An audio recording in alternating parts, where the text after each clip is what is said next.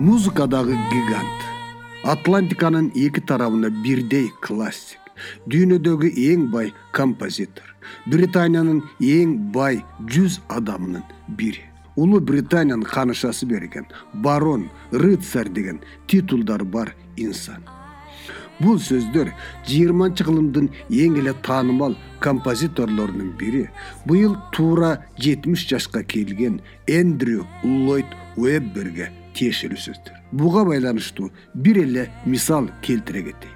Уэббердин атактуу мюзиклдери бери болгондо кырк жылдан бери америка менен англиянын деле батыштын эң мыкты деген музыкалык театрларынын сахнасынан түшү элек ал эми нью йорктун бродвей көчөсүндөгү эң мыкты деген театрларда эндрю ллойд уэббердин операдагы сыйкыр эвита иисус христос супер жылдыз мышыктар катс сыяктуу мюзиклдери ошол атактуу бродвейдин маданий символдору же мактаныштары катары кабыл алынып калды. Ошондон улам эндрю ллойд уэббер азыркы дүйнөдө мюзикл деп аталган музыкалык жанрдын атасы атасы болбосо да эң эле атактуу жаратуучусу деле опера менен опереттанын ортосундагы жаңы бир музыкалык түрдү жараткан улуу композитор катары таанылды албетте көпчүлүк угармандар мюзикл деген эмне анын негизги өзгөчөлүгү кандай деп сурашы мүмкүн. Ага жооп мындай болмокчу. Мюзикл деген жогоруда айтылгандай классикалык опера менен опереттанын драма менен кадимки эле хореографиянын бийдин аралашмасынан турган музыкалык чыгарма болуп эсептелет мындай музыкалык чыгармалардын эң эле атактуулары жана миллиондогон адамдардын сүймөнчүгүнө айлангандары. Биз сөз кылып отурган англиялык композитор эндрю ллойд уэбберге таандык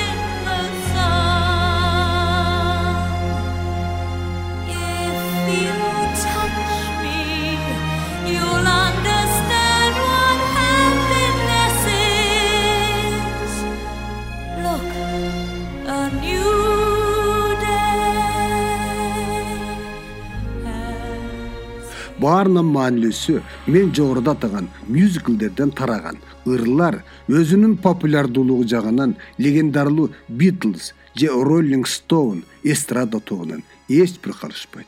Эми биздин уктуруунун каарманы эндрю ллойд уэббердин эмне деген инсан кайда жана качан туулган кайда жашайт деген сыяктуу суроолорго жооп издей кетели уэббер нака лондондук. Бул шаар менен каны жаны бир болуп калган адам ошол жерде туулган. Туулганда да кесипкөй музыканттардын үй бүлөсүндө туулган.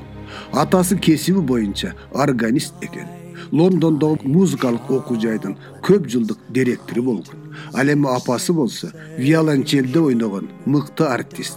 Ал эми кичүү бир тууганы джулиан уэббер абдан белгилүү виолончелист жана ушул сыяктуу. Кыскасын айтканда эндрю ллойд уэббердин тег жайы чыныгы музыкалык бамонт бармактайынан пианинонун төрт бутун таянып чогойгон музыка кулагына эс тарткандан баштап сиңген киши десек болот.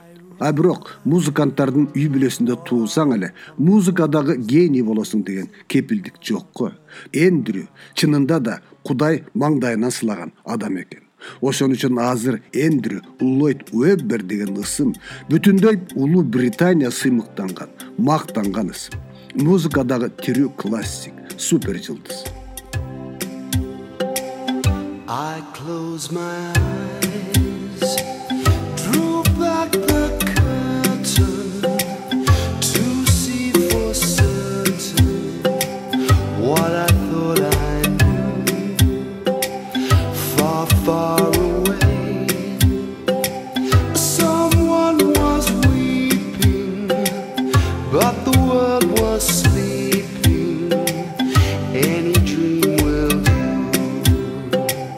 I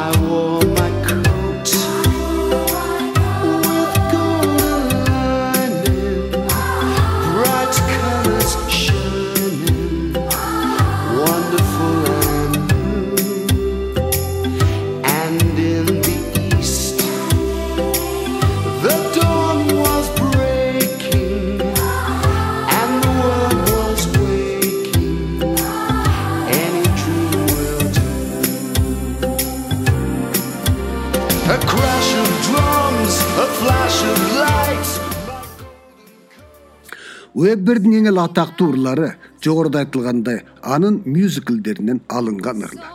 Маселен атактуу don't cry for me argentina деген хит анын эвита деген мюзиклинен келген.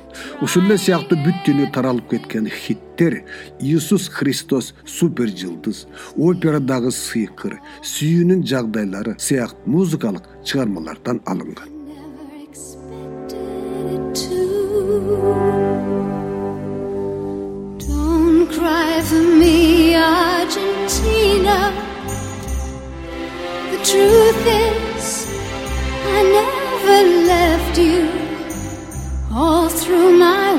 days my mad existence.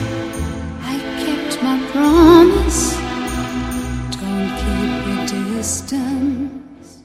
Азыркы учурда эндри ллойд уэббер watership down деген чоң компаниянын ээси ал компания бродвейдеги жана лондондогу бир катар музыкалык театрларды контролдойт өзү болсо америка менен англиянын ортосунда байма бай каттап океандын тиги жагында да бул жагында да жашаган композитор.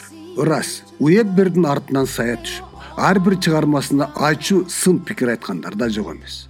Ал гана эмес аны плагиат башкача айтканда бирөөлөрдүн музыкалык табылгаларын бир аз өзгөртүп туруп чыгармаларында эпчил пайдаланган композитор дегендер да бар бир кур уэббер ошол сынчылары менен соттошкон да ошого карабастан эндрю ллойд уэббер жыйырманчы кылымдагы эң эле атактуу жана коммерциялык жактан жолдуу болгондо да аябагандай жолдуу классик композитор экенин эч ким танбайт жана таанууга да мүмкүн эмес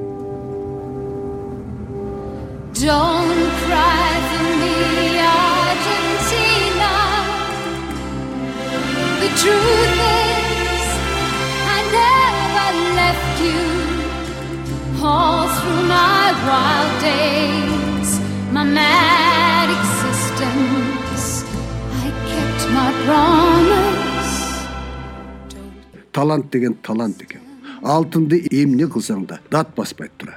Бул сөз сиздер жогоруда уккан don't cry for me argentina деген ырдын авторуна толугу менен тиешелүү